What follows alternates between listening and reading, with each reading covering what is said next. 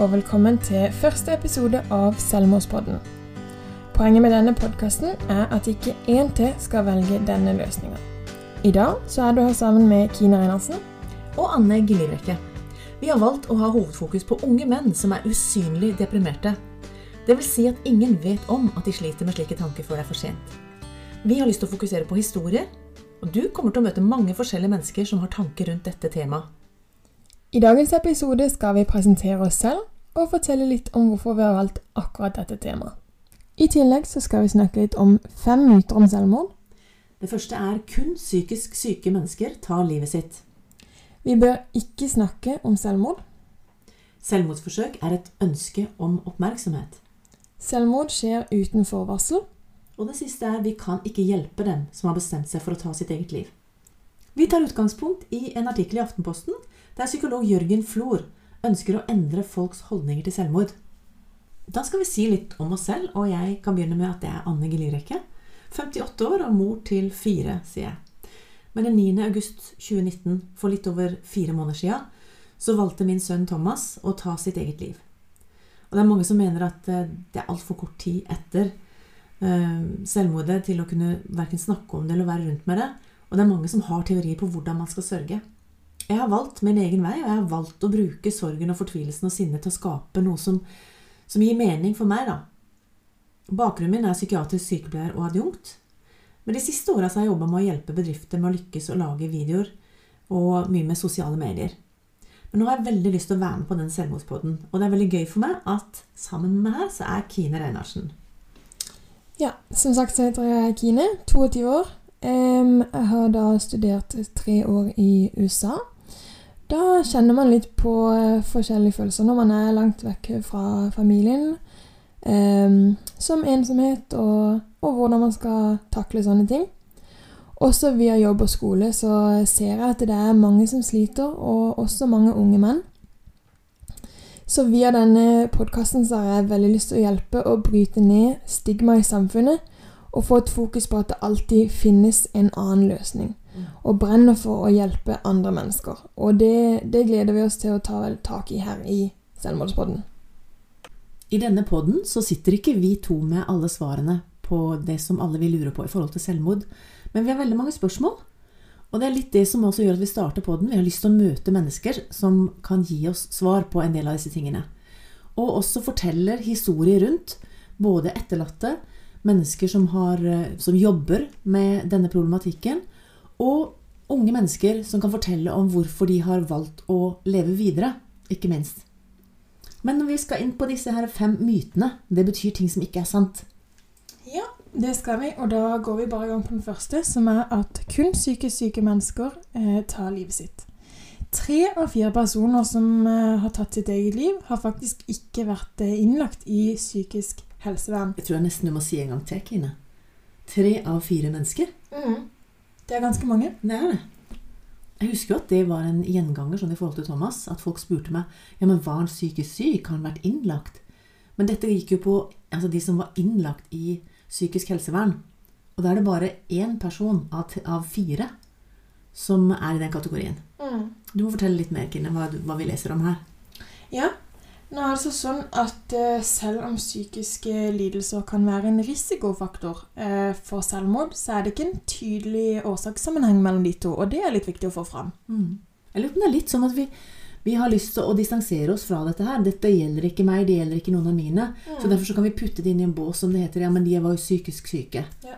Så den eh, I hvert fall tilbake til min egen erfaring, som er det eneste vi har denne, i denne poden her. Vi kommer til å få med oss mange andre eh, som kan fortelle oss og belyse dette fra forskjellige punkter. Men det er iallfall helt tydelig at du trenger ikke være verken innlagt i psykiatrien eller gå og få noe hjelp. For det gjorde ikke Thomas. Og veldig mange andre som jeg har da funnet ut om, har litt av det samme. Det er veldig mange som går og sliter med disse tingene alene, og disse tankene alene. Uten en diagnose. Ja. Myte nummer to er vi bør ikke snakke om selvmord. Og det er jo en sånn sak som går på mye av det med psykiske problemer eller psykisk helse. At vi må bare ikke snakke om det, for det er så skummelt. Men det er jo egentlig helt motsatt som er riktig. Og det handler litt om det med stigma i samfunnet også, at vi må tørre å belyse disse skumle temaene. Mm. Så det å tørre å spørre om det, det er faktisk ikke noe som gjør at flere mennesker begynner å tenke på å ta sitt eget liv. Men de blir kanskje sett på en måte. Mm. Og det med disse direkte spørsmålene hjelper jo den som blir spurt, å identifisere kanskje om de trenger hjelp, eller om de ikke trenger hjelp. Og det er også noe med å ha klarhet i det. Um, så det å snakke om uh, f.eks. disse selvmordstankene, hvis man, eh, hvis man føler på de, det kan jo ha en eh, terapeutisk effekt.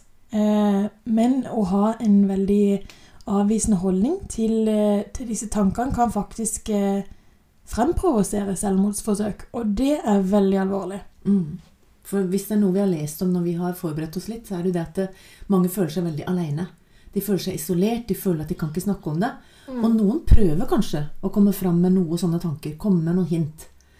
Men hvis det da blir helt avvist som at nei, men det her snakker vi ikke om, mm. så blir det jo veldig vanskelig å tørre å være ærlig. Det gjør det. Den eh, tredje myten vi skal snakke om, er at eh, selvmordsforsøk er et ønske om oppmerksomhet.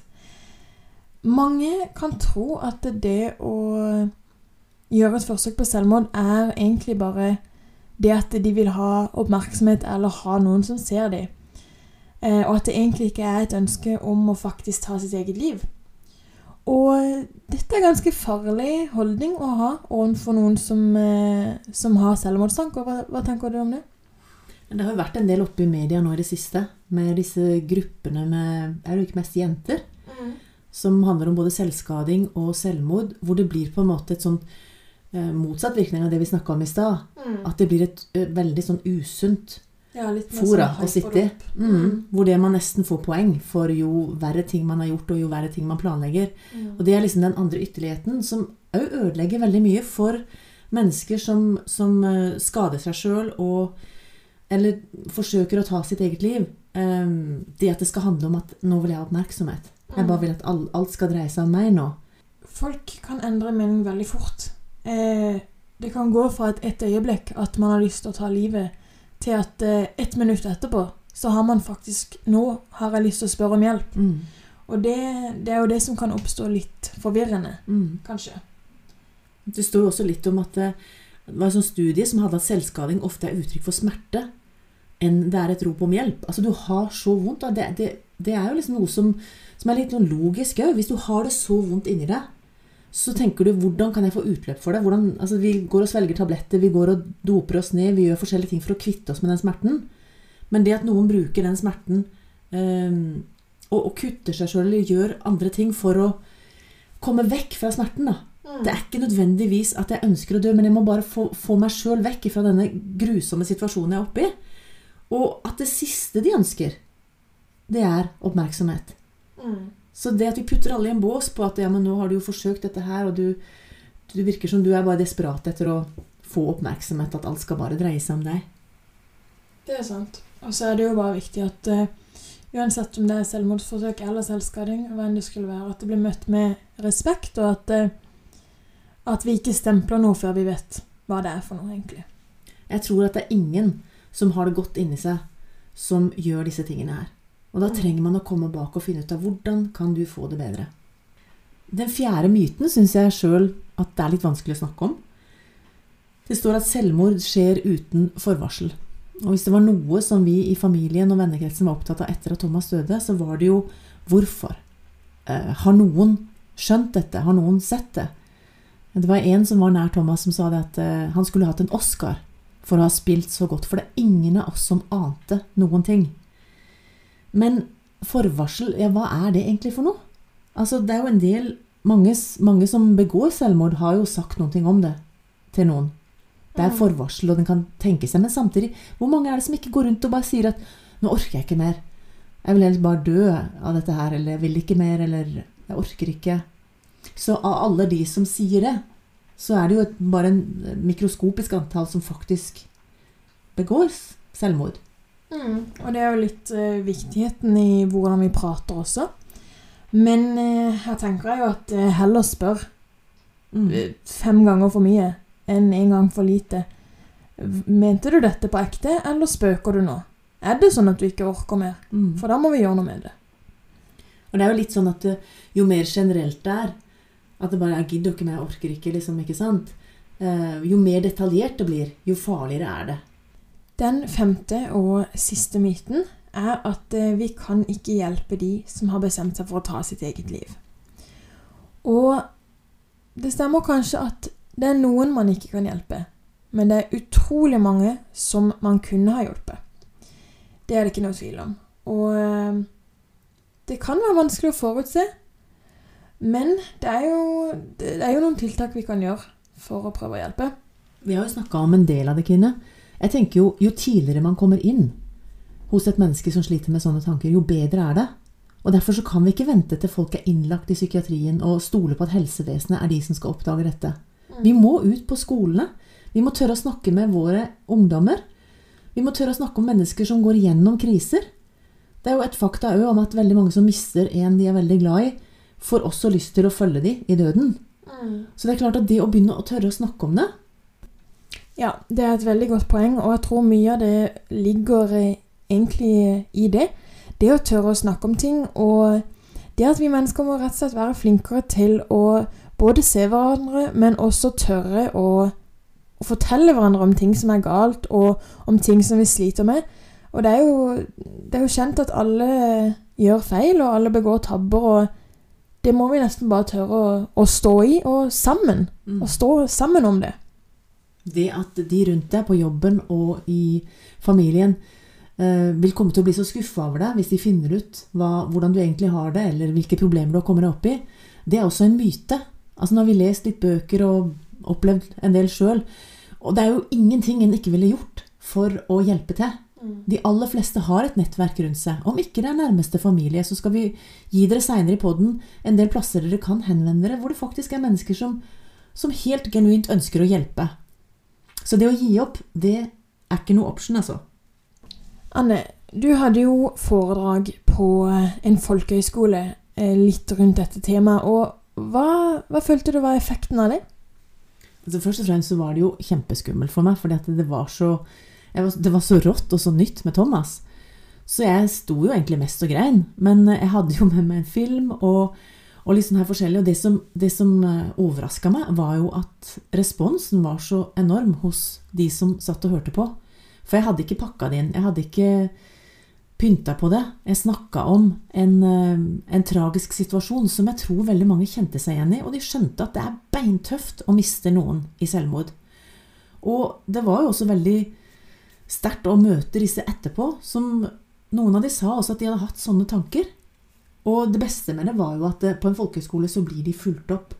Og det er litt sånn Vi har fått noen forespørsler andre plasser. Og jeg tenker at ja, vi kan På en måte så er jeg litt redd for å gå ut og så være for personlig en plass hvor ikke det er noe oppfølging.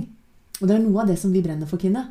Det er jo at vi skal få fram hvor er det jeg kan få hjelp. Og hvor er det jeg kan få hjelp kjapt når jeg har disse tankene, eller når jeg sliter med dette her. Heldigvis er det jo sånn at det er ganske mange plasser man kan eh, få hjelp. Eh, men da må man tørre å, å søke om det. Dette med selvmordsforebygging er jo utrolig viktig.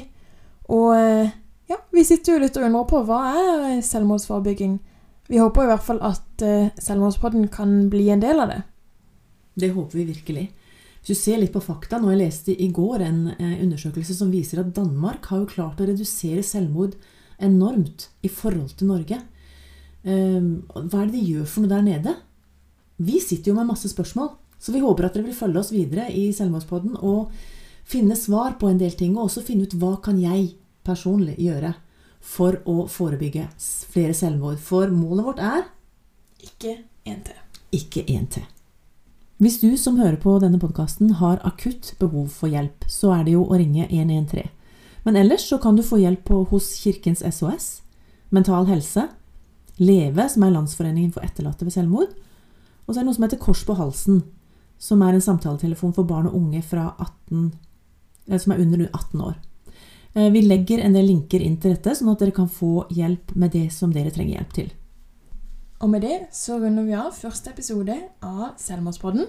Vi håper at du har lyst til å være med oss neste episode også.